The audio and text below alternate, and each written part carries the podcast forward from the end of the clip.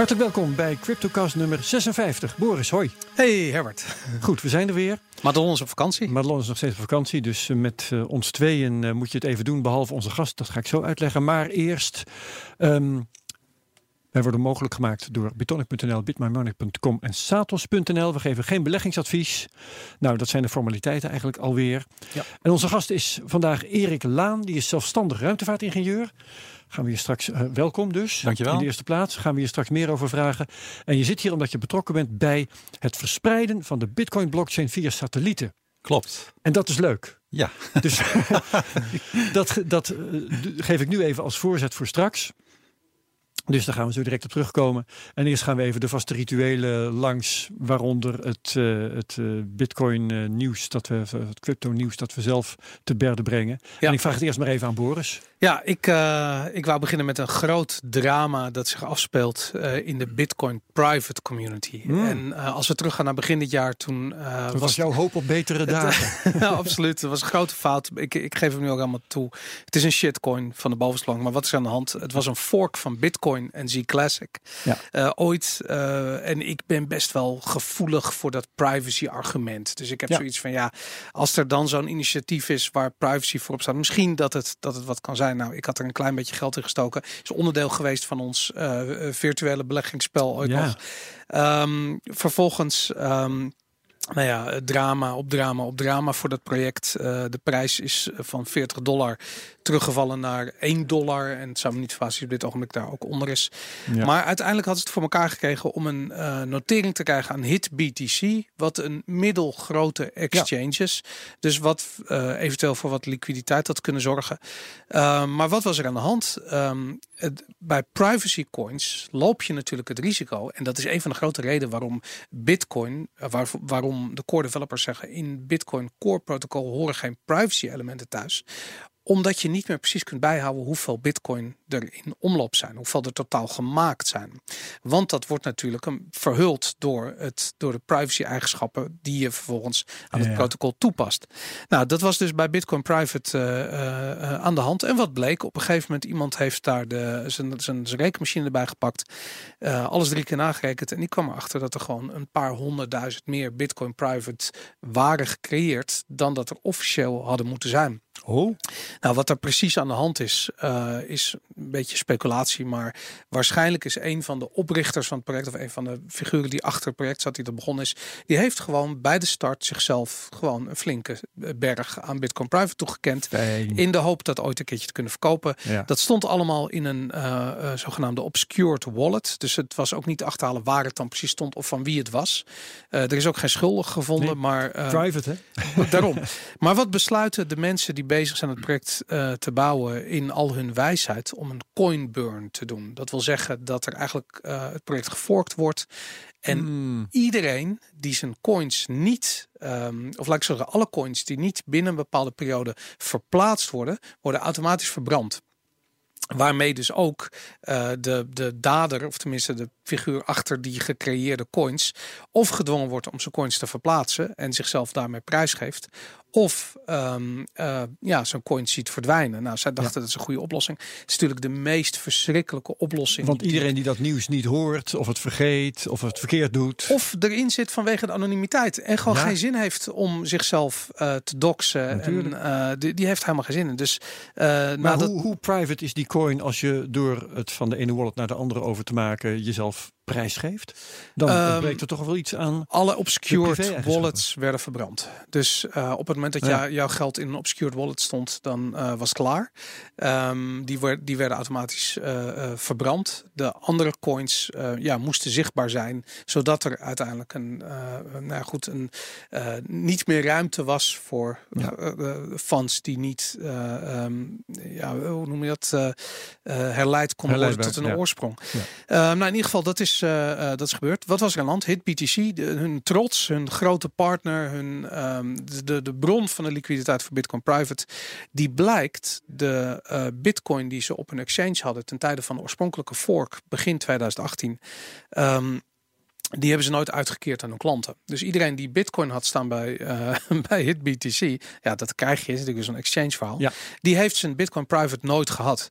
Um, dat betekent dat HitBTC gewoon heel erg veel uh, Bitcoin private had. Uh, ja, 56.000. Ja, oké. En die hebben ze niet gemoved en die zijn verbrand. Ja. Maar 40 is uh, toch 2 miljoen. Nee, wacht even, het was het is 1, 1, 1 dollar, zei je? Ja, nu was het 1 dollar, dus, dus het gaat om 50.000. Maar goed, aan de andere kant, iemand ja. was heel erg pissig, want die heeft niet zitten opletten en waarschijnlijk heel erg op zijn kop gehad. Dus wat zegt dit BTC? We willen die coins terug hebben van Bitcoin Private en anders delisten we de coin. en dit hele, oh dit hele drama is. Maar het is zo'n schoolvoorbeeld waarom forks en altcoins uh, zo ontzettend uh, problematisch zijn. Ja. Omdat je ziet hiervan, het is niet gedecentraliseerd. Je kunt iemand erop aanspreken. Als je iemand die sterker is tegen je in het harnas jaagt, dan, uh, ja, dan ga je gewoon voor het blok. En dat, is, dat, dat zien we hier gebeuren. Letterlijk alles wat mis kan gaan met een altcoin, is met Bitcoin Private misgegaan. Ja. En het zal me eerlijk gezegd verbazen als die coin over een half jaar nog bestaat. Maar het, um, het is een schoolvoorbeeld waarom altcoins niet werken. Dus ik vond het heel mooi verhaal. Ja, ja, ja, nou noem het maar mooi, maar ik begrijp wat je bedoelt. Ja. um, jou nog iets kwijt over Tipping Me? Ja, absoluut. Wij hebben natuurlijk ook een Tipping Me account ingesteld. Um, ja, knop te uh, vinden op ons, de pagina van onze show notes, bnr.nl slash cryptocast. Klopt, in, ja. uh, inderdaad. Uh, tipping Me is een tipping service die werkt via Bitcoin Lightning payments. En het mooie eraan is, is dat het een hele toffe tool is om eventjes te experimenteren ermee. Dus je kunt iemand die een leuke tweet plaatst, kun je bijvoorbeeld eventjes 10.000 satoshi sturen, wat omgerekend 40 cent is of zoiets. Um, en je kunt het ook weer terug naar jezelf overmaken als je een eigen nood hebt bijvoorbeeld. Of, of een of andere wallet die dat ondersteunt. Nou goed, dat, ja, dat werkt hartstikke leuk. Inmiddels hebben ze 14.000 gebruikers. In, het bestaat drie maanden. Ze hebben 14.000 gebruikers toch goed. En um, om je een idee te geven. Ik ben zelf ik denk een week bezig geweest om een Lightning Note geïnstalleerd te krijgen. uh, nadat die gecrashed was, weer online te krijgen. Al mijn channels uh, uh, weer online te krijgen. Dat gefund te krijgen. Ja. een, een plugin zoals Lightning Joule te gebruiken. Om makkelijk via mijn browser een interface te hebben met die Lightning Note. Was rustig een week werk. Maar er zijn 14.000 mensen die dus over al deze begin perikelen ja. heen zijn gestapt. En dus al ja, Lightning aan het gebruiken zijn. Spannend. Dat is heel veel. Dat is heel stoer en het is ook heel veel. En dat, uh, ja, dat, ik, ik vind het echt uh, opzienbarend hoe hard het groeit. Ja, leuk. Heb ik straks nog wel wat over op te merken. Maar eerst kijk even naar Erik. Onze gast van vandaag, Erik Laan. Of jij voor ons nog crypto nieuws hebt. Nog crypto nieuws. Ja. nou, misschien aanhaken op dat tip in Ik heb dat namelijk ook. toen het een beetje begon. Dat, ja. ja ik, ik, wil, ik wil dat ook proberen. Ik denk, nou ja, daar krijg je natuurlijk niks, uh, niks van binnen. Maar ik heb inmiddels 30 euro aan, uh, aan Satoshis uh, wow. gemined, zeg maar, van, van Twitter. Dat is heel veel. Een beetje in het kader van, omdat ik ook Space Education Outreach activiteiten doe. Ja, precies. Dat had ik in mijn vragenlijst staan, dus dat haal ik even dan naar voren. Um, want jij, waar heb ik het nou staan? Potverdorie. Oh ja, je hebt een Bitcoin Space Education Fund. Ja, dat is een beetje de, de hoge overterm. Maar nou, dat, dat, vond ik op vond ja, op jouw site. Deze precies. Ja. En eigenlijk sinds dat Lightning Network is dat een beetje uh, echt iets geworden. Ja. Nou, voor 30 euro kun je niet zoveel. Nee, voor 30 euro niet kan je weinig, maar, maar uh, dat, ik vind het toch leuk. Ja. ja. dat, dat, dat, maar dat, is zo dus vloeit. Een... Hè? Dat, is, dat is denk ik het verschil ten opzichte van voor dat Lightning Network. Is dat je nu echt die... Ja, je ziet het nou gewoon bewegen, die, die bitcoins. Dat was. Voorheen zat het echt gewoon muurvast met al die, die hodlers die, die erop gingen zitten. Maar je ziet nu dat het dat het een beetje in beweging Omdat komt. microbetalingen ja. mogelijk zijn, ja, om het ja. maar even zo samen te vatten. Ja. En, en als je dat gebruikt, ik ben benieuwd, vind jij niet ook dat als iemand je bijvoorbeeld 10.000 satoshi geeft en wat omgerekend 30, 40 cent is zoiets, dat dat voelt alsof je gewoon 10.000 euro krijgt? Ja, een beetje wel. Nee, dat, dat is echt heel tof namelijk. Ja, nee, dat, dat klopt. Dus dat, uh, dat is een fijn gevoel dat je dat je, dat je zoveel nullen hebt. Ja, uh, dat, ja. Uh, maar even, even, even om het toe te lichten, dat Bitcoin Space Education Fund, wat dus voor, voor, jou, je vindt het zelf eigenlijk al een te moeilijke term, begrijp ik, BSEF. Nou, besef, hè, dat was het. Besef, ja, natuurlijk. Dat, oh, ah, dat had ik nog niet eens begrepen. Zo dom kan een mens zijn.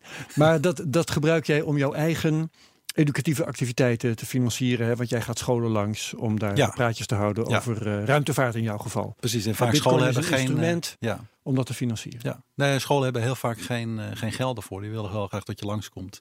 En als ik tijd heb, dan doe ik dat graag. En, maar uiteindelijk, ja, de hypotheek moet ook betaald worden. En die, die doet het niet zeg maar voor van nou wat ben je leuk bezig voor scholen. Ja. Dus, nee, helder. Um, dus dat is gezegd bij deze. Um, dat is te vinden op jouw site ionorbit.com was het hè? Ja, klopt. Ion, dus oog op orbit, baan om daar. Ja.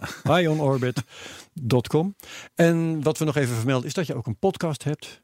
En die ja, is ook te vinden via het uh, BNR-netwerk. Dus als je bij BNR kijkt, uh, bij de podcast van het BNR-podcastnetwerk, dan uh, ja. is jouw wekelijks, nee niet wekelijks hè? Nou, het, Maandelijks? Het, het, varieert nogal. Soms ben ik wel eens twee keer per maand bezig, maar soms, soms wat minder. Vaak ook in, in samenwerking met trouwens Den Haag FM, programma Media Mix. ja, dat heb ik ook zien staan dat je daar uh, actief ja. ja. maar goed, dan vat jij de ruimtevaartactiviteiten, ruimtevaartgebeurtenissen van de afgelopen tijd, vat jij samen. Klopt. Voor de microfoon. Oké, dus daar uh, kunnen mensen ook naar kijken.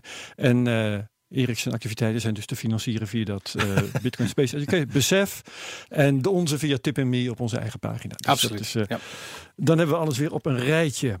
Um, even kijken, ik heb ook nieuws. Ik fiets even daar naartoe. Oh ja, ik wilde het vooral eigenlijk hebben over uh, het feit dat Facebook en Telegram dreigen met eigen cryptocoins te komen. Ja. En dat wou ik melden. ik wou ook vermelden dat dat iets is waar ik eigenlijk al een al, al lang bang voor ben. Oh ja, hoezo ben je daar bang voor? Nou, ik zal vertellen waarom ik daar bang voor ben. Ik herinner me, en dan moet ik even terug in de geschiedenis gaan. Mhm. Ik herinner me dat uh, Microsoft ooit had bedacht: jongens, als, uh, als we mensen nou, ze hadden iedereen uh, via wat ze noemden paspoort een soort identiteit gegeven. En toen hebben ze hemel en aarde bewogen om ervoor te zorgen dat mensen hun Microsoft paspoort overal zouden gebruiken. Want dat zou Microsoft natuurlijk een geweldige machtspositie geven in, op, op internet omdat zij dan de gegevens zouden hebben over uh, nou ja, waar iedereen uithing en, en uh, eventueel over betalingen en dat soort dingen. Ja. Dat is ze niet gelukt. Kregen de mensen niet in beweging. Dat is Facebook wel gelukt. Eigenlijk zonder dat ze daar zich serieus voor hebben ingespannen. Want links en rechts nog steeds uh, loggen mensen in met Facebook. Ja. dus Facebook heeft in dat soort dingen een geweldige machtspositie. Ik heb altijd gedacht, als Facebook nog eens met een cryptocoin komt, dan gaat het ze heel makkelijk af om mensen te bewegen die coin te gebruiken. Voor aankopen, voor dit en dat. En voor je het weet, wordt de hele bitcoin overvleugeld door de Facebook coin. Dat is iets waar ik wel bang voor ben. En nou wou ik dat... van jou weten of, het, of jij daar geen last van hebt. Nee, dat, eh, dat denk ik helemaal niet. Omdat, uh, kijk, de, de vraag is waarom, uh, laat ik zo zeggen, Apple komt met Apple Pay. Uh, je hebt PayPal. Je hebt over de hele wereld letterlijk honderden verschillende digitale betaalmogelijkheden. Ja, maar Facebook is all over the place. Hè? 2 miljard gebruikers plus. Oké, okay, hele grote partij. Ben ik met je eens. Maar waarom zouden ze een cryptocurrency nodig hebben? Dat is het vreemde namelijk. Want ja. het levert voor hun denk ik alleen maar problemen op. Want um, schijnt dus dat er 50 developers aan werken. Ja, en ik heb begrepen dat ze ook gebruik willen maken van een extern protocol. en dus ook gebruik willen maken van externe partijen zoals exchanges om de coin daadwerkelijk in bezit te krijgen. En het zou een stablecoin moeten worden, gebackt door dollars. Die nou, heeft Facebook wel. Hè? Maar ja, maar dat, daar zie je al van. Dat is dus blijkbaar een probleem wat Facebook zelf dan wil oplossen. Dus Facebook wil dan alle problemen die er bij het gebruik van een cryptocurrency komen kijken, willen zelf oplossen. Mm -hmm. En het probleem daarmee is dat het zo'n ontzettend gecentraliseerde partij wordt. Uh, want ze zijn verantwoordelijk voor de stabiliteit van de stablecoin. interesseert dat toch geen lor? Die gaan, um, die gaan, die coin gewoon gebruiken omdat het makkelijk is. Ja, totdat het misgaat. Omdat het natuurlijk, uh, het blijft een cryptocurrency. En dat betekent dat het ook transparant is. En dat betekent dat er ook uh, uh, ja, bepaalde security vraagstukken zijn die je veel makkelijker kan oplossen. Kijk, als je één database wil beveiligen, dan is dat, ja, PayPal laat zien dat dat heel goed mogelijk is. Banken laten ook zien dat het heel goed mogelijk is.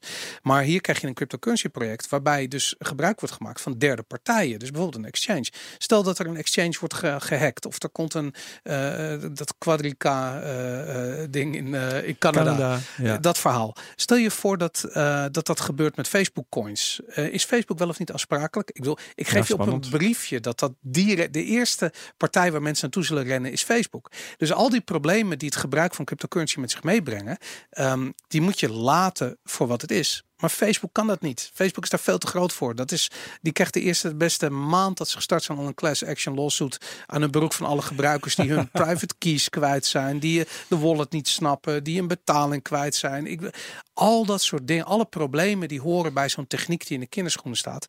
Ehm, daar gaat Facebook gewoon de verantwoordelijkheid voor nemen. En ik vind het heel grappig om dat te zien.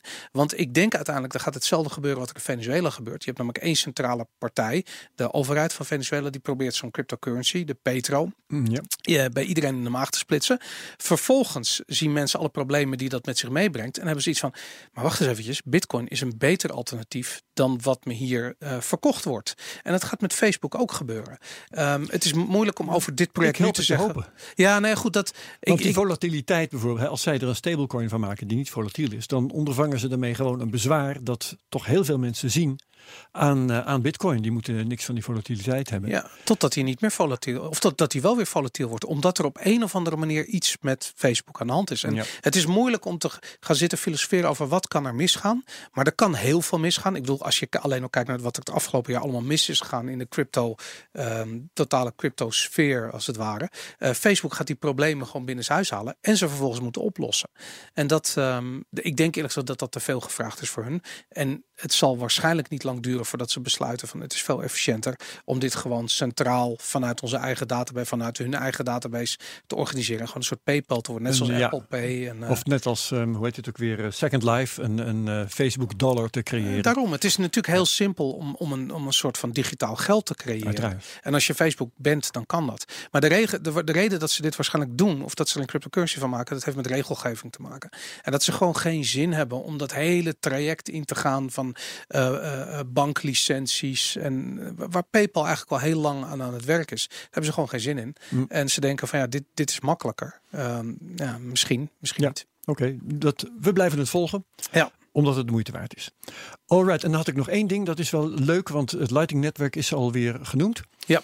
Wij hebben een aantal maanden geleden, ik denk dat het nou, misschien een halfjaartje geleden is, minder, uh, hebben wij nog eens genoemd dat de omvang van het Lightning Network intussen, ik geloof dat op dat moment 30 bitcoin was, de capaciteit was 30 eh, bitcoin. En toen heb ik nog eens geroepen in een onbewaakt ogenblik... moeten we eigenlijk van maand tot maand bijhouden. Uh Hebben we niet gedaan, want uh, we maken wel eens vaker een plan... Waar we, dat we dan vervolgens meteen vergeten. maar uh, van de week ontdekte ik de site bitcoinvisuals.com. Of misschien moet ik zeggen, ik herontdekte hem. In ieder geval, ik was op zoek naar... Ja, hoe staat het nu hè, met de cijfers omtrent dat Lightning Network? Nou ja, en dat is dus geweldig. Want op bitcoinvisuals.com kun je verschillende dingen vinden. De, de omvang van dat, um, uh, inderdaad in bitcoins gemeten van dat Lightning Network, het aantal nodes, ja. het aantal channels en al. En al die dingen die je kunt vinden, die zijn dus in het afgelopen, in de afgelopen drie maanden of half jaar of zo, zijn ze verdubbeld. Ja. Alles verdubbeld. Uh, je ziet ook dat half november is er uh, een grote gebeurtenis geweest, want daar, daar, dan piekt opeens alles. En daarna groeit het hard door. En die uh, omvang, die dus een half jaar geleden 30 dollar was, is nu 600, uh, sorry, 30 bitcoin was, is nu 600 bitcoin. Ja, het is ongelooflijk. Dus dat is vertwintigvoudigd. Ik moet je zeggen dat de tools die er beschikbaar zijn gekomen uh, echt heel erg exponentieel verbeterd zijn de afgelopen, nou ik denk vier, vijf maanden.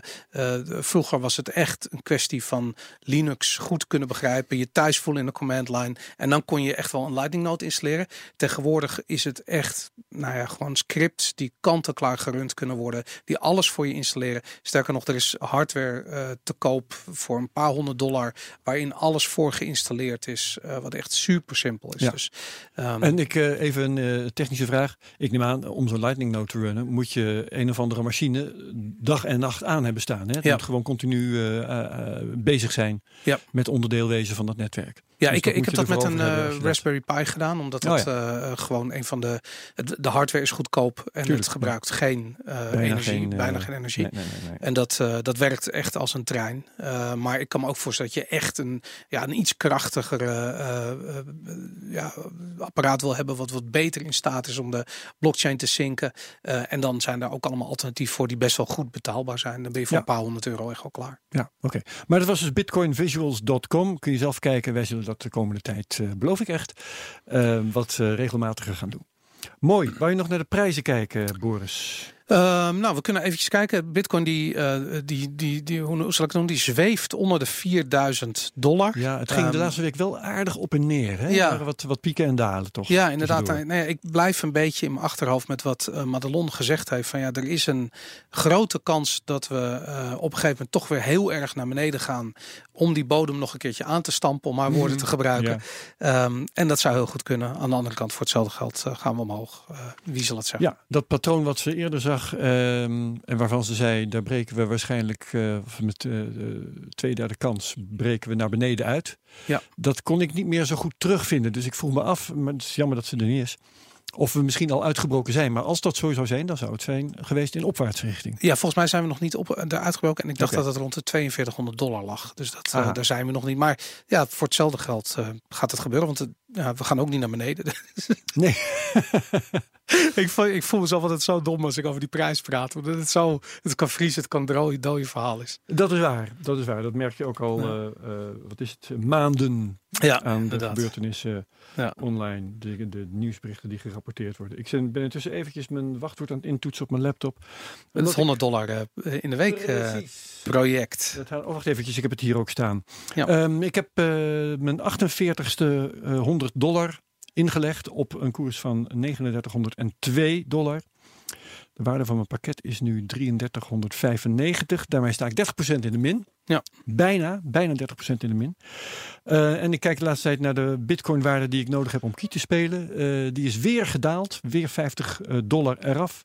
Het zou nu 5517 moeten zijn. Ja. Dan ben ik weer boven Jan. Lijkt me toch heel haalbaar hoor. Ik, ja, het wordt steeds, en gaat, gaat, dus elke week gaat er 50 dollar af op dit moment. Zolang de koers op dit niveau blijft, gaat er elke week 50 dollar af. Nou ja, interessant. Ja, uh, het verschil met de werkelijke koers uh, is geloof ik nu 1500 nog wat dollar. Dus in 15 weken niet zo laag geweest. Super. Dus dat is dat. Gaan we met Erik praten. Nogmaals welkom. Ja. Erik Laan, ruimtevaartingenieur, propageert ruimtevaart. Uh, betrokken geraakt bij de activiteiten van Blockstream. En Blockstream is een bedrijf dat de blockchain van Bitcoin. Ze doen van alles hoor, daar kunnen we zo over praten. Maar de blockchain van Bitcoin wereldwijd toegankelijk maakt via satellieten. Onder andere. En, ja, onder andere, precies. En dat is uh, iets waar, uh, waar jij je mee bezighoudt. Um, en op die manier kun je dus toegang hebben tot de blockchain. Ook als je in een gebied zit waar helemaal geen internet is. Dat is ongeveer het idee daarachter. Ja, hè? ja. Wat, wat, waarom zou je dat willen? Uh, ja, je zou dat willen uh, voor een paar redenen. Je bent dan meer, meer onafhankelijk van het, uh, van het, van het terrestrische netwerk. je maakt daarmee het netwerk sterker. Maar kijk, het is niet helemaal gezegd dat je niet connected moet zijn. Hè, met, mm -hmm. met, ook met die Blockstream Satellite toepassing. Want uiteindelijk als je, als, je, als je transacties wil doen, zul je toch weer connectie moeten maken met het netwerk. Dat is helemaal duidelijk. Ja. Dus midden in de woestijn ergens gaan zitten met een satellietschotel en de, en de, en de Bitcoin uh, ledger uh, naar beneden krijgen en die op je, op je computer uh, bewaren. Daar heb je eigenlijk niks aan. Ja, je zult want... toch, als je iets wil, moet je je... Daar was meteen een vraag over, Precies. diverse zelfs. Uh, Sjoerd Maassen bijvoorbeeld, die vroeg... is het mogelijk dan een transactie te doen via de satelliet... zonder tussenkomst van een internetverbinding? Nou, in principe niet, tenzij je die internetverbinding via de satelliet Precies, hebt. Als je, dat ja, kan er wel. diverse suppliers die, die jou uh, schotels kunnen leveren... Ja. om via satellieten connectie te maken met het internet. dat is een ander trucje. Je kunt dus de blockchain uh, intussen downloaden van satelliet. Ja. Maar dat is iets heel anders dan internet hebben via de satelliet. Ja, klopt. En, oké. Ja. en als je internet hebt via de satelliet, dan zou je, dat is heel duur denk ik, maar dan zou je die blockchain ook op die manier binnen kunnen halen. Ja, precies. Want dan ga je natuurlijk, dan stuur je een commando van ik wil die, die, die, uh, die blockchain binnenhalen. Dat heb ik thuis ook gedaan op mijn Linux laptop. Ja. Om te zorgen dat ik uh, in, in, in sync kon lopen. Maar dat heeft een dag geduurd voordat ik 200 gigabyte die hele ledger op mijn laptop had. Ja, via die satelliet? Nee, niet via die satelliet, gewoon oh. via terrestrisch netwerk. Zeggen, maar om hem dan bij te houden vervolgens, dan kun je hem uh, via die satelliet heel simpel gewoon up-to-date houden. Want dan krijg je elke 10 minuten krijg je die nieuwste blogs binnen. Gaan we, gaan we uh, straks uitgebreider over verder. Ik wil eerst onze vaste beginvraag nog even aan je kwijt. Oké. Want je laat je intussen zelfs financieren via je Tip Me uh, project voor, voor, voor, je, voor je educatieve activiteiten. Maar hoe heb jij ooit crypto ontdekt? Wat is jouw verhaal?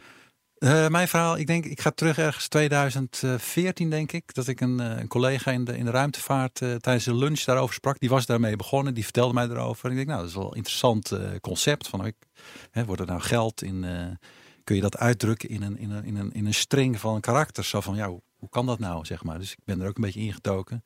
En toen vervolgens uh, ook gedacht, nou, ik wil, ik wil ook wel iets van Bitcoin hebben om te mhm. kijken hoe dat werkt. En er was ook een, uh, een café in Delft waar ik dichtbij woonde, die de Waag. En daar kon je met Bitcoins betalen. Kijk eens ik, nou, dat dan, ik ga dat kopen en dan ga ik met mijn dochter ga ik daar lekker sinaasappelsap drinken. En uh, eens kijken of dat, uh, of dat werkt. Nou, dat ja. heel duur sinaasappelsapje geworden achteraf.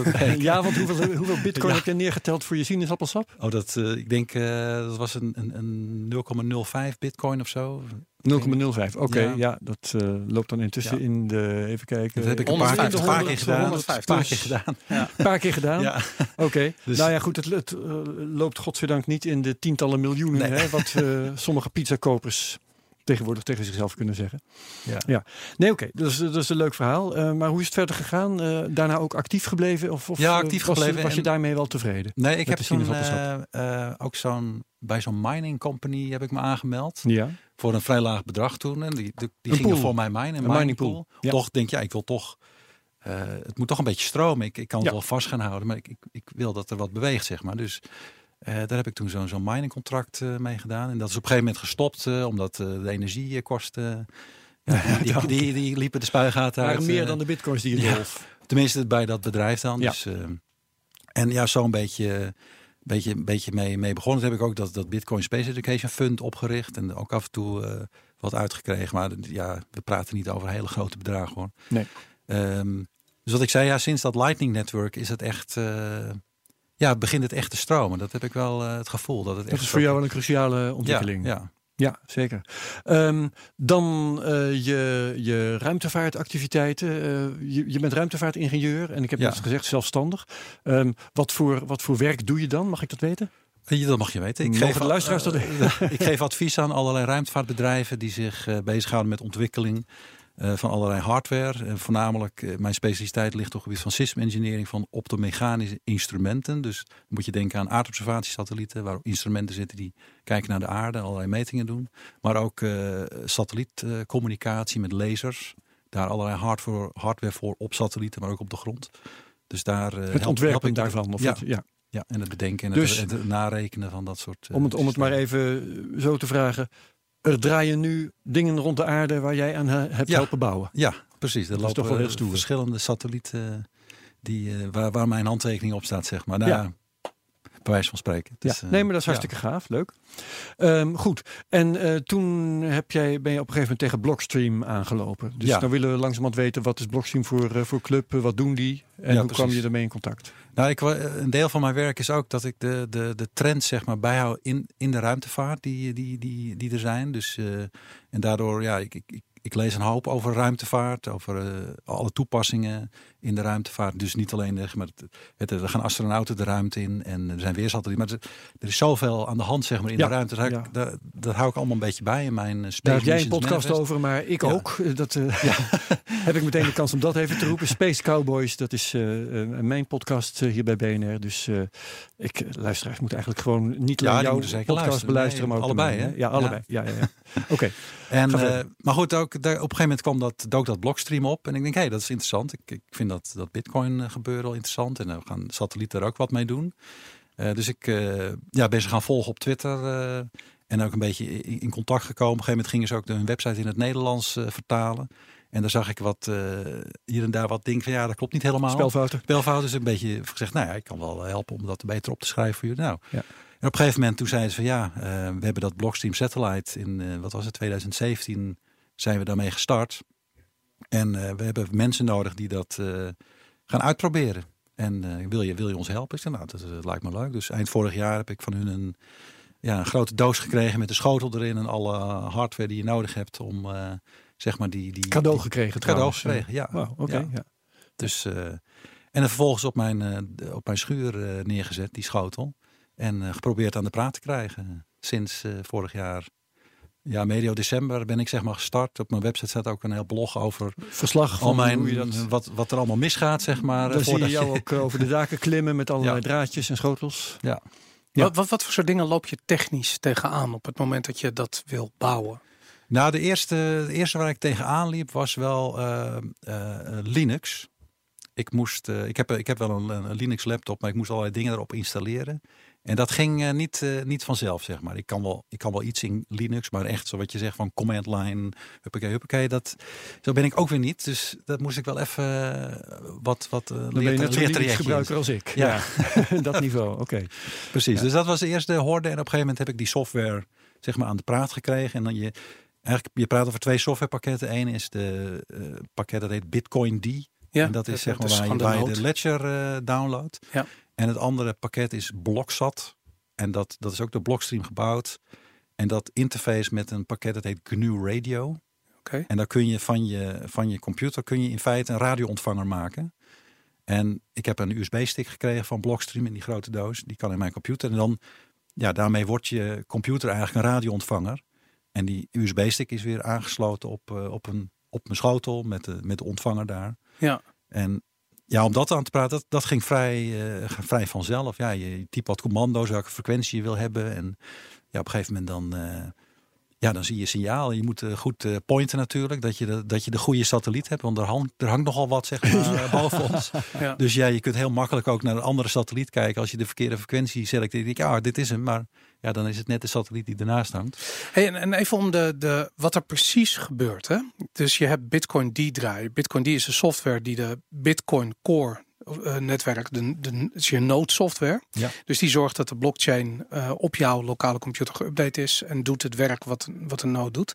De informatie die je normaal gesproken via internet binnenhaalt daarvoor, dus de, de, de blockchain informatie, dus het, het synken met het blockchain netwerk, dat gebeurt dus nu via de satelliet. Ja. Dus dat betekent dat er ergens in Amerika waarschijnlijk wordt de, uh, de, um, de laatste versie van de blockchain geüpload. Die bloks worden geüpload naar die satelliet. En dat wordt via die satelliet verspreid. dus niet de laatste versie van de hele blockchain, maar de laatste onderdelen. Die Natuurlijk, de, de, de, bloks, de, nieuwe, de nieuwe bloks. Per blok wordt er, die informatie wordt dus verspreid via die satelliet. Ja, en het, het, zijn vijf satellieten overigens. Dus er is niet okay. één grondstation maar er zijn dus meerdere grondstations die, die al die vijf satellieten zeg maar, voorzien van de laatste, ja, ja. laatste bloks. En, die satelliet die hangt gewoon vast boven Nederland. Dus op het moment dat jij met je laptop bijvoorbeeld naar uh, Australië gaat, moet je dan een andere frequentie, een andere satelliet uh, gebruiken. Ja, dan moet je een andere satelliet. Kijk, die, die satelliet zelf waar ik naar kijk, dat is het Telstar 11N satelliet van een Canadees bedrijf Telesat.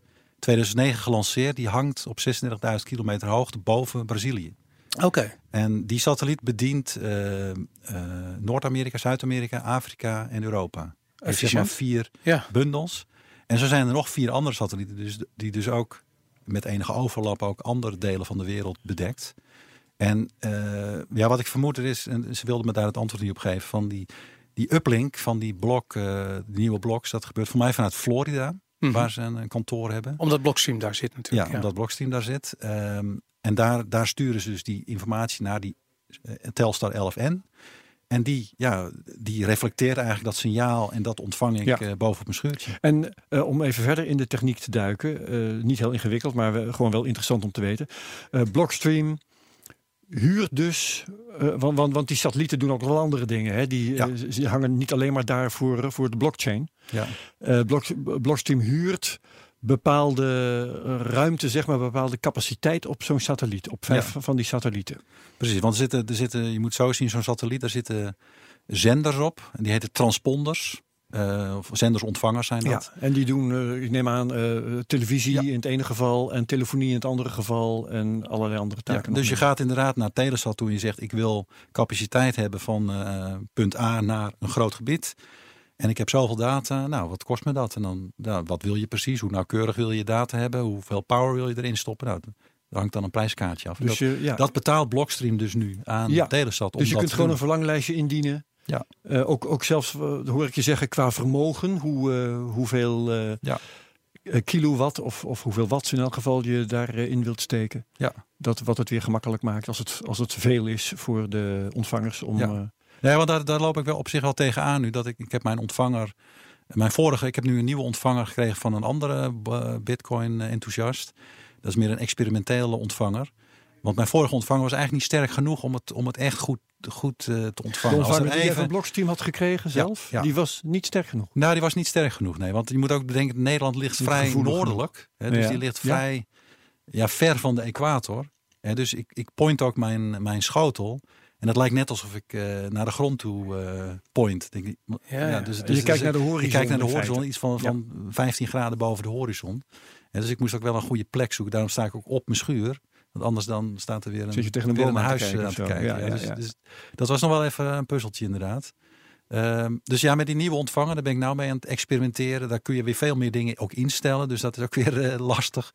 Maar die, die, is wel, eh, dat zie ik wel, er zit veel minder ruis in het signaal. Dus ik krijg, krijg daar meer, zeg maar, linkbudget zoals het heet. Want zo'n dat vermogen wat die satelliet naar beneden stuurt, dat gaat door de atmosfeer. Nou, als het, als het bijvoorbeeld vochtig is, dan wordt veel van die radio, radiostraling wordt geabsorbeerd door wolken.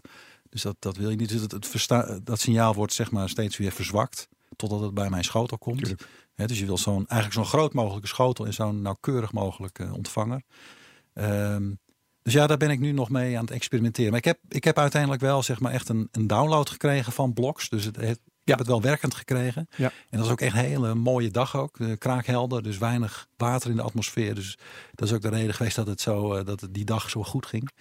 Uh, dus, dus dat is gelukt. Maar ik, ja, ik moet nog wel een extra stap uh, maken om het echt operationeel te houden. Ja. Hoe, hoe, hoe, hoe, snel gaat dat? Is het mogelijk om de hele blockchain binnen te halen via die satelliet? Nee, wat ze doen is uh, de laatste 144 blokken. Ja. Die, die sturen ze zeg maar op in een soort sequence. En die repeteert zich zeg maar echt elke zes uur of zo. Dat, ja, hè, Dus het is niet zo dat die hele 200 gigabyte, ja, als je dat dus dat gaat genoeg capaciteit om dat binnen te krijgen. Want waarom worden, uh, toen dit bekend werd in de Bitcoin community, iedereen stond te juichen. Want het is natuurlijk satellieten, dat lijkt van dat is groter dan landsgrenzen. Daar houden Bitcoiners heel erg van. Ja. Waarom werden ze daar zo blij van? Nou, ik denk precies wat je zegt. Je kunt het. Uh, je kunt het gewoon doen. Ik bedoel, je kunt het met hmm. hardware doen die je, die je, die je gewoon kunt bestellen op internet. Uh, bij, en onder het mom van ik ga een tv-ontvanger uh, doen. Is het ingewikkelder dan een, dan een tv-satellietontvanger? Nee, hetzelfde, het is hetzelfde. Dus, dus, dus dat kun je gewoon doen zonder dat eigenlijk iemand, en het, het privacy aspect is daar natuurlijk van ja, je kan iedereen zeggen, ja, ik ben tv aan het ontvangen, maar te, tegelijkertijd ben je die Bitcoin ledger aan het. En wat uh, natuurlijk een, een grappig uh, bijkomstigheid is, Um, die radiogolven komen toch binnen. Ja. Uh, dus uh, er is geen databundel die je kunt overschrijden of iets dergelijks. En je kunt het elke keer weer proberen. Subscriptionless is het. Hè? Je, ja. Je kan hem ook hier neerzetten en dan, dan, doe ik, dan, dan is het hier. Ja, jij, jij krijgt die schotel toevallig uh, cadeau, maar ik kan die schotel gaan kopen. En dan kan ik ook die uh, blockchain binnenhouden zonder abonnement inderdaad. Of, uh, wat, wat kost zo'n set? Wat heb je ongeveer nodig gaan kosten? Stel je dat ik nu naar Amazon ga, ik bestel dat. Volgens mij is van 120, 150 dollar. dat is ook niet echt duur.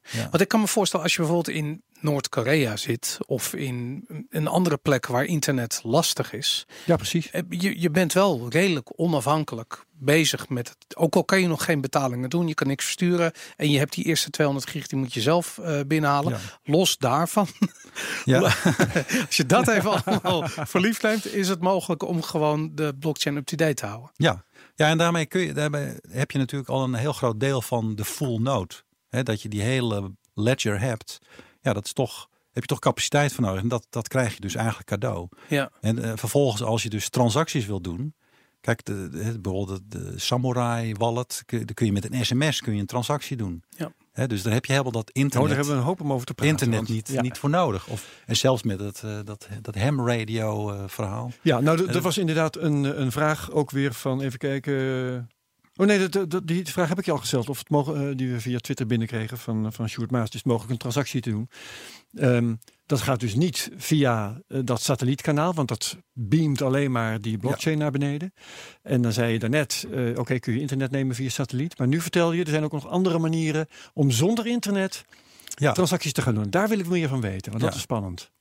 Ja, dus als je je, je node hebt, je ontvangt die, die ledger via de satelliet. Uh, en je hebt verder geen internetconnectie. Ja, dan zijn er zeg maar ehm, drie, drie manieren om dan toch een, een transactie te doen. Dus of via, via, via, de satelliet. Ja. Nou ja, gewoon, gewoon mogelijkheden. Er is die, die sms-dienst via dat Samurai. Dus je kunt zeg maar je, je, je transactie in een sms uh, stoppen. Ja. En dat opsturen via gewoon het telecomnetwerk uh, als sms. Dat komt dan weer ergens aan waar ze dan daar vervolgens natuurlijk iets mee doen. Ehm, en connectie maken met het Bitcoin-netwerk. Precies, dus je sms dan naar iemand die wel internet heeft, om het maar even zo uit te drukken. Dat is precies. En dat is dan niet iemand, een, een kennis van jou, zou ook nog kunnen, maar het is een dienst Ja. Een sms-dienst en die gaat dan vervolgens die transactie uitvoeren. Ja. En, en eh, de, die andere mogelijkheid is natuurlijk via ham radio. Dat is ook al, al gedaan. Allerlei radioamateurs die zeg maar, met elkaar praten over de hele wereld. Via bepaalde frequenties. Uh, ja, daar kun je natuurlijk ook gewoon data over versturen. En dat, is ook, dat noem je ook geen internet, maar het is gewoon dataverbinding. Ja. Als je ergens een dataverbinding kunt maken, ja, dan kun je, kun je meedoen met het Bitcoin-netwerk. Als je maar zorgt dat de andere kant connected is met het Bitcoin. Precies. En ham radio, daarvan is het grappige, dat heeft het trouwens wel gemeen met sms, uh, dat, uh, dat er bijna geen grenzen zijn aan de afstand die je kunt overbruggen. Hè? Ja. Je kunt nou, zo goed als wereldwijd, misschien wel echt wereldwijd, kun je contact leggen met, met mensen. En als er dan iemand is die nou, uiteindelijk toch weer die internetconnectie wel heeft, dan kan die jou eh, in feite de data die je opstuurt vertalen in een transactie en dat dan uitvoeren. Ik heb wel begrepen dat wat ze versturen via ham radio zijn seed phrases. Dus je verstuurt dus een seed phrase die ergens anders ingevoerd wordt, waardoor je eigenlijk een wallet overdraagt aan iemand anders. En ik niet zozeer vragen, uh, hoe zit het met privacy in, in zo'n ja, ja, ja, ja, ja. Nou ja, goed, dat, is dat klopt uh, inderdaad. En, dus je moet de andere kant dan wel vertrouwen. Ja, ja. Wat, uh, maar ik denk dat daar bijvoorbeeld dat Lightning Network ja, echt een disruptie is. Want daar ja, dat, dat, dat blijft gewoon anoniem. Je kunt gewoon een transactie doen en dingen, dingen ontvangen in die string. Dat past ook in een, een Twitterbericht. Ja, ja je, dat, dat, dat gaat gewoon. Denk je dat dat in de toekomst dat we kunnen gaan verwachten dat ook Lightning nodes worden geüpdate via een satelliet? Ja, nee, dat, want dat is ook de, de, de volgende stap, zeg maar, die, die ook Blockstream gaat doen. Is dat ze ook die, die, die uplink gaan, gaan doen. Ja. En dan niet zeg maar de uplink van de grond naar de geostationaire satelliet. Want dat is gewoon een heel grote afstand. Daar heb je een, hè, een flinke schotel voor nodig, dure apparatuur om je signaal helemaal bij die satelliet te krijgen. Mhm. Maar wat je ziet is bijvoorbeeld de opkomst van kleine, kleine satellieten. Hyper Global, Koen uh, Jansen was bij de, de Space. Uh, is te gast geweest in de Space Cowboys. Precies, die, dat soort bedrijven, Lacuna Space, die, die brengen allemaal constellaties in, in lage aardbanen waarmee je kunt communiceren maar het enige nadeel van die dingen is natuurlijk dat ze vliegen over. En ze zijn weer weg. Want zo'n geostationaire satelliet die blijft daar hangen. Ja. Alleen maar om het feit dat hij zo ver staat. En dat hij in 24 uur een rondje maakt om de aarde. Met de, aarde, mee draait. Draait lekker met de aarde mee. Die kleine satellieten die lager hangen, die doen dat niet. Uh, maar daar zijn er dan straks weer heel veel van. Dus dan, als er eentje weg is, dan komt er wel weer een nieuwe om uh, mee te praten. Net als met GPS. Ja. En je hoeft natuurlijk ook niet dezelfde satelliet te gebruiken om te verzenden als om te ontvangen. Ik bedoel, dat ontvangen is in bepaalde opzichten natuurlijk belangrijker, omdat dat je dat houdt je nood up-to-date. Op het moment dat je nood niet up-to-date is, dan is wat je ook verstuurt automatisch achterhaalde informatie. Ja. Dus je zou kunnen zeggen van ja, het ontvangen is belangrijker dan het verzenden. Ja, precies. En, en, het verzenden, ik bedoel, als je een transactie doet uh, en ja, je, je bent niet zo, uh, vindt het niet erg dat dat lang duurt, hè, dan, dan kun je dat best via zo'n kleine satelliet sturen en dan mag het best even, ja. even overdoen voordat die satelliet het weer ergens aan de andere kant van de wereld naar beneden. Ja, ja weet je hebt ook van die dingen als satelliettelefoons, uh, ja. geloof ik, waarbij je in feite ook dezelfde transactie zou kunnen versturen. Weer. Iridium is dat, uh, Iridium Next is daar het beste voorbeeld van. En dat is ook wat Blockstream uh, waarschijnlijk gaat gebruiken om uh, dat te doen. Alleen, kijk, het nadeel daarvan is, je, bent weer, je moet weer een subscription hebben bij Iridium. Ja. Ja. He, dus je, je wil eigenlijk toe naar de situatie dat je het subscriptionless doet. Ja. En die mogelijkheden zijn er. Uh, dus ja, dat is ook iets wat ik, wat ik eigenlijk ook nog wil gaan doen. om te proberen om zeg maar zo'n zo'n transactie te doen via subscriptionless. En, en dat, want dat is nog niet eerder, uh, eerder gedaan. Dus dat kunnen we nog verwachten op jouw blog uh, op ionorbit.com. Ja. Hey, um, jij uh, hebt dit dan gedaan, dus je hebt laten zien dat het werkt. Althans het downloaden van die, van die blockchain, of het up-to-date houden van de blockchain beter gezegd. Um, moet, moeten wel bekennen natuurlijk dat het uh, voor Nederland niet zo vreselijk relevant is. Want wij hebben goed, een goed functionerend internet. Dus uh, nou, ik geloof dat het voorbeeld van Noord-Korea genoemd uh, is. dat, dat soort plekken. En weet ik veel, de Sahara, Antarctica is misschien wat minder voor die geostationaire satellieten. Maar afgelegen gebieden op aarde, gebieden zonder goed, goed internet, daar is het belangrijk voor.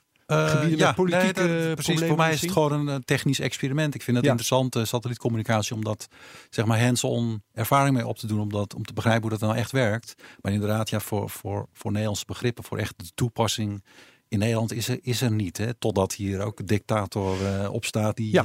die ons gaat afsluiten van, van alles en nog wat. Ja, dan wordt het inderdaad... Ja, want in bepaalde opzichten, Boris is erg van de privacy, is, is dit natuurlijk beter. Hè, omdat om te beginnen niemand kan zien dat jij die blockchain binnenhaalt via de satelliet. Want de, dan, moeten ze, dan moeten ze al die schotelproductie zien staan. En nou, ook weten hoe jij die gebruikt. Er is echt wel een security aspect eraan wat heel interessant is. Als jij op dit ogenblik een node draait thuis. En die, dat node zit niet achter een VPN bijvoorbeeld. Uh, dan kan de hele wereld zien dat jij die node draait. Dus stel je een Bitcoin voor, node. Een Bitcoin node bijvoorbeeld. Ja, Lightning node is hetzelfde. Maar um, in feite zou je de conclusie kunnen trekken van nou in dat en dat gebied daar woont iemand, uh, die heeft er een nooddraaier. Kans dat die bitcoin heeft is aanzienlijk. Um, misschien in combinatie met wat metadata is het redelijk simpel te achterhalen welk adres die nood draait. Ja. ja. En als je ehm, kunt zien inderdaad, oh, er is daar een persoon die continu elke 10 minuten die, uh, die 2 megabyte binnenkrijgt. Ja. Dat zal hem wel zijn die, die de Bitcoin Ledger binnenkrijgt. Ja, wordt, wordt dat dus- beter? Want, hè, want die satellietverbinding die geeft je alleen de updates van de blockchain. Ja. Uh, al dat andere wat je doet, wat nodig is om een nood te hebben of uh, aan het Lightning Network mee te doen of transacties te doen, uh, dat heb je dan, of te minen, dat heb je dan nog niet. Dus weet je hoe dat ook dat je privacy situatie? Ja, natuurlijk, omdat niemand, kijk, die, die, de, de PC waarin je die, die, die informatie ontvangt, hoeft niet per se online te zijn. Dus op het moment dat je informatie ontvangt, ben je up-to-date zonder dat je zelf prijsgeeft dat je dit aan het doen bent. Mm -hmm. terwijl op het moment dat je gewoon pingbaar bent en je poorten staan open en weet ik wat. En iedereen kan zien van ja, dat is overduidelijk een bitcoin node. Dat is, dat is gewoon een, een, een, een in principe een soort vulnerability. Um, daar moet je van bewust zijn. En waarom is dat interessant? Kijk, op dit ogenblik de mensen die een bitcoin node thuis draaien, die weten ook wel hoe ze dat achter een VPN moeten doen en hoe ze dat enigszins moeten beveiligen. Maar we krijgen nu en dat is echt aan het ontstaan dankzij Lightning, in discussie over waarom moet je een node hebben. En veel uh, mensen gebruiken een wallet die gebruik maakt van de node provider van die wallet. En mensen realiseren zich dat niet, want die zien gewoon een interface en die hebben het gevoel dat ze aan het internet bankieren zijn. Maar net als dat in de begindagen van uh, e-mail je ook een eigen e-mailserver installeerde, want anders was je niet mee aan het doen met het e-mailprotocol. Datzelfde geldt voor Bitcoin. Op het moment dat je niet zelf verantwoordelijk bent voor het ontvangen, letterlijk het ontvangen van de betalingen, dan betekent dat je iemand anders moet vertrouwen dat hij die informatie juist doorgeeft. En dat is iets waarvan ik denk van ja, dat, dat, dat begint nu gemeen goed te worden. Mensen vragen zich af van ja, waarom moet ik een Lightning Node installeren? Uh, waarom moet ik uh, um, uh, gebruik maken van iemand anders een Lightning Node? En wat zijn de gevolgen daarvan? En langzaam een beetje begint dat gemeen goed te worden van ja, je moet een nood draaien. Wil je echt een volwaardig onderdeel zijn van het protocol? En dat, um, ja, dan zijn dit soort oplossingen gewoon een extra optie om mee te doen in dat hele verhaal. Ja. Waar ik wel eens naar wil kijken is um, de rol van Blockstream. Want um, nou, het is een bedrijf. Uh, van Adam Beck. Hè? Adam Beck is een van de uh, uitvinders van Bitcoin. Hij heeft uh, opgericht, van het eerste precies. Ja. En hij heeft Blockstream opgericht. ik hoor van Erik dat hij um, uh, ze hebben jouw apparatuur cadeau gedaan. Ze maken kosten om die blockchain via satelliet te verspreiden, want transponders huren en uh, dat zijn uh, vast wel aardige kosten. Wat is hun verdienmodel? hun verdienmodel, ja, ik, ik, weet dat niet heel goed. Ik weet wat ze, wat ze natuurlijk doen. Ze, ze stimuleren die, die hele bitcoin uh, maximalism, zeg maar. Dat, ja. dat, dat, dat staan ze echt voor. Maar stimuleren, dat is iets wat alleen maar geld kost. Ja, en maar uiteindelijk denk ik, kijk, ze hebben denk ik een flinke positie ook in bitcoin.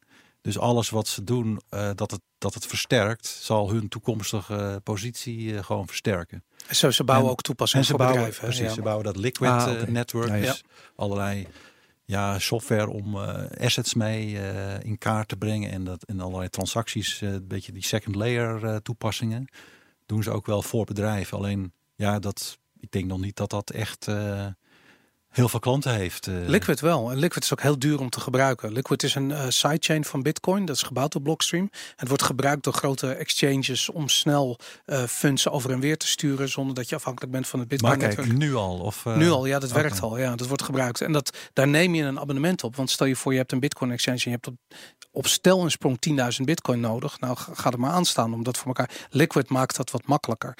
En dat, um, ja, dat is gewoon duur om te gebruiken. En dat, dat is de Blockstream. Dus dat soort oplossingen bouwen. Okay. Ja. Oké. Okay. Um, nou was er ook nog een uh, vraag. Uh, die kwam volgens mij ook voor, via Twitter binnen, maar ik kan hem even niet uh, terugvinden.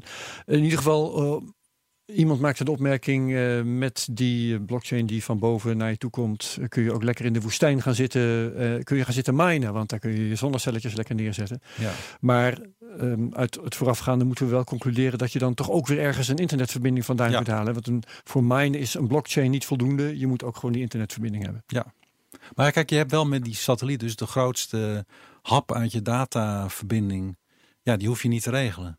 Ja. Hè? Dus dat heb je al gewoon cadeau. Eh, dus. Ja. En in sommige gebieden is dat gewoon heel beperkt. Hè? Als je ergens een mining operatie wil neerzetten en je wil echt gebruik maken van uh, renewable energy, hè, dan wil je ergens uh, inderdaad midden in de woestijn waar veel zon is met je, met je zonnepanelen gaan zitten of bij een of andere waterval, uh, bij een waterkrachtcentrale. Precies. En daar is niet, niet noodzakelijkerwijs een hele snelle internetverbinding beschikbaar. Ja. Zie je een toekomst waarbij um, uh, even los van dat er niet direct een toepassing is om om die nodes de hele tijd op en running. Stel je voor dat er een, uh, we zometeen naar een systeem toe gaan waarbij iedereen een node heeft draaien op zijn mobiele telefoon. Um, en een soort node backup gebruik maakt van een satellietinterface, een soort GPS-achtige informatie die misschien niet de laatste 130 bloks, maar gewoon één blok, wat dan ook, een soort van compactere informatie. Kun je daar een soort toepassingen voor, voor verzinnen die, die dit echt zin geven? Maar je bedoelt zin geven, de satelliet toevoeging. Zeg ja, de satelliet toevoeging. ik heb het idee dat het een beetje novelty is, maar de, de, de, de, toepassingen liggen een beetje achter de horizon. Maar die zijn er wel. De eerste vraag is dan volgens mij wel, um, heeft die, e, dat ene blok per, uh, per 10 minuten, um, heeft dat een functie zonder de hele blockchain? En als dat niet zo is, betekent dus dat je de hele blockchain op je smartphone moet hebben. En dat is intussen geloof ik in de orde van een terabyte. 200 gig, ja. Ja, dat, uh, dat schiet aardig op en het, uh, het verdubbelt elk jaar of zo. Ja, maar telefoons met 256 gig heb je al. Dus in feite, dat is, dat is niet zo ver weg hoor.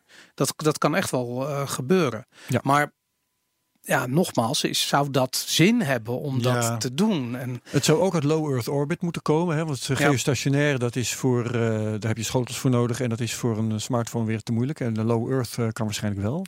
Dat kan wel. Ja, dan heb je vrij, vrij uh, goedkope hardware in de orde van een paar honderd euro. Kun je dus met die, met die uh, kleine satellieten communiceren. Kun je gewoon kleine berichten uh, versturen. Maar dan dus moet je dus een andere provider inschakelen. Ja. ja overigens zijn er, uh, dat hadden we dan, dan, toevallig gisteren in de, in de Space Cowboys. er wordt gebouwd aan internetnetwerken, internetproviders in space. Hè? Dus er zijn verschillende netwerken op dit moment in aanbouw. Super. OneWeb heeft zijn eerste zes testsatellieten al gelanceerd. Uh, wat betekent dat je straks gewoon internet kunt krijgen vanaf een satellietnetwerk. Maar ook dat je gewoon op de maan internet hebt. Uh, dat is niet hetzelfde, maar dat komt ongetwijfeld ook. Zo ver is de maan toch niet? Maar dat, is, dat is jouw probleem voorlopig niet. Nee, dat je op de maan zit zonder internet. Nou ja, zeg nooit nooit. Ja, nee, ja maar op zich de, de, toepassing zeg maar dat je, dat je echt in de ruimte nodes, uh, nodes gaat toevoegen, ja. die is er op dit moment niet. Nee, maar ik bedoel dat, je uh, nodes kunt hebben, op aarde die hun informatie, hun data krijgen uh, van satellieten. Ja. Dat was volgens mij Boris een vraag. Ja. En dat is misschien niet zo ver als je zou denken. Ja, nee. nee, dat klopt. Dat en vervolgens is de, jouw vraag, wat kun je daarmee? Ja. Nou ja, kijk, de, op dit ogenblik, laat ik zo zeggen, de uh, mobiel internet wordt gedomineerd door 4G en zometeen door 5G. Ja. En ik ben gewoon heel erg benieuwd van, ja, gaat daar straks iets tegenover staan? Weet je, ik bedoel, dat het gewone radio, dat het ham radio, dat gaat hem niet worden. Dat is nee. misschien te ingewikkeld, maar um, satellietcommunicatie zou een mogelijkheid zijn. Een mogelijkheid zijn. Zeker als je het over die low orbit, uh, low orbit uh, satellieten hebt, waarvan er gewoon heel veel zijn. Ja. Het enige, de bottleneck daar is gewoon de data hoeveelheid. Kijk, als je met ja. over zo'n grote afstand toch, hè, van, van, van de grond naar zo'n kleine satelliet in een lage aardbaan, praat je toch over 600 kilometer. En daar ga ja. je niet hele hoge uh, bandbreedtes uh, mee halen. Wat, wat, wat, wat moet ik me bij voorstellen? Wat voor snelheid haal je wel?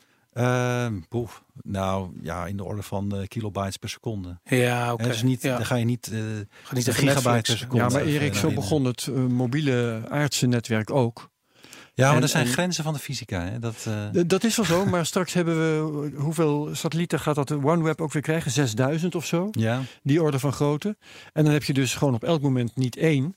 maar een, tientallen tot honderden satellieten boven je knar hangen. Ja. En als die tegelijkertijd data op jou afvuren, dan kun je al aardig in de honderden kilobytes per seconde komen. Maar dan praat je praat altijd wel over een ontvanger nog. Hè? Die, en die, die past hier op tafel. Ja, luisteraars kunnen dat niet zien. Zo'n halve meter bij een halve meter. Ja, ja, ja. Dat is je ontvanger. Hè? En dat stop je niet even in je zak en in je mobiel. nee, en om dat verder te, te miniaturiseren, loop je gewoon aan tegen die grens van de, van de fysica. Ja, dat van, kunnen. Ja. Van vermogens die je toch nodig hebt om signalen te. Uiteindelijk moet je toch een, een wat groter ding hebben om die, die golven ehm, naar één punt te kaatsen. Een, een, schotel met andere woorden. Ja, het is gewoon de, ja, de diffractielimiet uh, krijg je voor je kiezen. Dus dat je.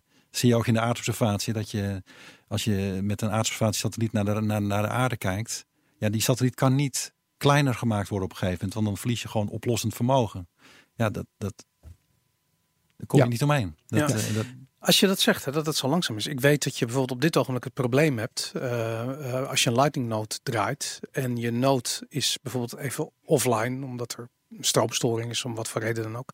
Um, en je zet hem gewoon weer aan en je bent niet helemaal gesynct met de blockchain. En je begint vervolgens bloks te transmitten die dus niet meer up-to-date zijn. Dan krijg je een time-out van de andere, uh, laat ik zeggen, de andere uh, partijen waar channels mee geopend hebt. En die time-outs zijn eerst volgens mij 24 uur of 12 uur, weet ik wel. Het bouwt een beetje op. Maar dat betekent dat in de praktijk, dat heb je niet in de gaten de eerste keer dat je doet. Dat betekent dat je vaak een paar dagen bezig bent voordat de hele boel weer gezinkt is en je je time-outs verwerkt hebt en je eigenlijk weer aan de slag kunt gaan. En ik, ik zit te denken van ja, als je het hebt over dit soort snelheden, uh, het is, we hebben het over, uh, ik was letterlijk vier dagen bezig om weer online te komen. Mhm. En dat was gewoon met een Ziggo-verbinding uh, die redelijk snel is. is niet heel snel, maar redelijk snel. Um, als je het hebt over dit soort datasnelheden, dan ben je weken bezig om de boel weer online te krijgen. Ja, ja. Dus voor Lightning zou het op, op dit ogenblik gewoon niet werken, denk ik. Uh, nee, nee, die toepassing niet. Kijk, de, waar ik wel zeg maar toepassingen in zie met, met ruimtevaart is bijvoorbeeld ook gebruikmakend van het, uh, het Galileo-netwerk en de, de, de, positiebepaling met satellieten. Ja. He, is dat je dat ook uh, gaat, gaat inkoppelen in zo'n in zo'n blockchain als je transacties doet en je en je kunt echt verifiëren dat, dat, dat je op, op dezelfde plek bent, uh, bijvoorbeeld. Dat je letterlijk een airdrop doet. Dat je iedereen die binnen een bepaalde. precies, dat je zegt, die mensen die krijgen daar nu iedereen, iedereen in Dordrecht krijgt op dit ogenblik 10 Satoshi. Weet je, dat, dat zou wel heel vet zijn. Ja, nou ja, dat, dat, op zich dat is al dat, dat is wel mogelijk met, uh, met die technologie. Dus, uh... Make it rain. Vet. Ja, ja. moeten we airdrop.com, airdropalert.com weer eens ja, Maar wat een novelty is dat. weet je wel dat het dan heel anders kan langs. Een soort Pokémon Go, maar dan met Satoshis die uitgedeeld worden op een bepaalde plek. Nou, inderdaad, hier ligt een Satoshi. Ja, dat soort... Dat soort of 10.000. Eh, ja, wat een goede toepassing zou dat zijn. Maar uh, wat, wat dan nog verder in de toekomst is, denk ik, is ook gebruik maken van aardobservatiedata. Er worden heel veel metingen gedaan van de aarde. Allerlei foto's, allerlei metingen. En ja, er gebeurt natuurlijk van alles op de aarde. En dat wil je natuurlijk wel gaan tracken en, en, wat, wat, en vastleggen wat daar gebeurt. En bijvoorbeeld ook mensen die dan op aarde zeg maar allerlei dingen ook waarnemen, dat je dat gaat koppelen met elkaar. En dat wil je natuurlijk uiteindelijk ook dat je dat kunt vertrouwen. En dat is denk ik ook blockchain. Uh, je hebt zo'n token van mm. Unibright uh, die daar dingen mee kan doen om dat met elkaar te koppelen. Ik denk dat het, dat heeft ook eh, heel veel toepassingen. Dan heb je het over, ik zal maar zeggen, zakelijke blockchain toepassingen. Ja, ja. dus meer de, de centrale, niet de decentrale blockchain, maar de centrale blockchain uh, toepassing. Ja, klinkt als die supply chain oplossingen waar IBM aan werkt, dat soort dingen inderdaad. Dat je dan ook echt ziet van daar gaat die ene container met daarin dat dingetje en dat, uh, ja. Ja, ja, zo komt wel de privacy natuurlijk weer een beetje. Ja, daarvoor ik van hey, die houdt mij in de gaten daar. Ja. nou, dat wil je dus als in Bitcoin wil je dat absoluut niet. Maar dat uh, um, is dat. Laat ik zo zeggen, op het moment dat je die ontvanger hebt staan, ja, ik bedoel, er is op geen enkele manier te controleren dat je die hebt. Behalve dat je hem misschien visueel ziet staan. Uh, maar als je hier in Amsterdam rondloopt, genoeg mensen hebben zo'n ding aan de gevel hangen. Dus dat valt niet op natuurlijk. Ja. Nee, je kunt het niet uh, bepalen wat, wat, dat, dat, je, dat je het ontvangt. Dat is gewoon niet. Uh... Hooguit als het zo'n ding is waarvan jij zegt dat hij lijkt alsof hij naar, naar de grond kijkt. Dan weet je dat hij geen Turkse tv-satelliet aan het ontvangen is, maar iets anders. Ja, nou ja je weet, als je zo'n schotel ziet ergens aan de gevel, dan sinds ik er ook wat actiever mee bezig ben, dan, dan, zie ik natuurlijk ook schotels hangen. denk ik, oh, die kijkt daar naar die satelliet en die kijkt naar die. Want dat kun jij je ziet natuurlijk zien. wel. Heb je daar niet een app voor? Die ja, daar heb ik precies. Daar is een app voor. Natuurlijk. Ja.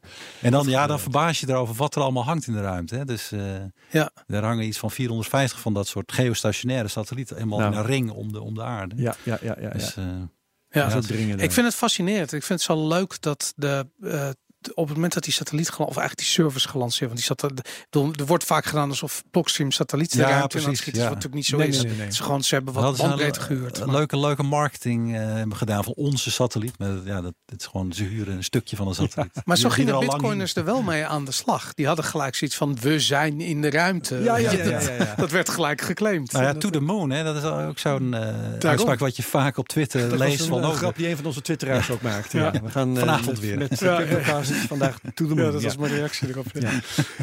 maar dat, uh, ja, nee, absoluut. Dat, ik, ik, ik vind het fascinerend, omdat het ook een soort het, het, is gewoon een soort science fiction. Weet je, op het moment dat iets letterlijk fysiek buiten de grip van overheden is of centrale figuren. Um, dat voelt gewoon heel krachtig. Dat spreekt heel erg tot de verbeelding. Misschien is de symbolische waarde van die dienst ook wel uh, belangrijker dan de, uh, dan de technische toegevoegde waarde op het ogenblik. Maar dat, zou, dat is misschien al wel goed. Voor ons Nederlanders in elk geval wel. Hè? Zeker, Want uh, wij hebben geen problemen met ons internet. Nog niet. Nee. Ik denk dat we hierbij gaan laten. Iedereen tevreden? Yes. Oké. Ja hoor. Erik Laan, ruimtevaartingenieur, hartelijk bedankt. ionorbit.com. Boris van der Ven, mijn collega, bedankt. Jij bedankt Herbert. En mijn naam is Herbert Blankenstein. Ik wens iedereen uh, een prettige week. En heel graag tot volgende week bij CryptoCast 57. Dag allemaal.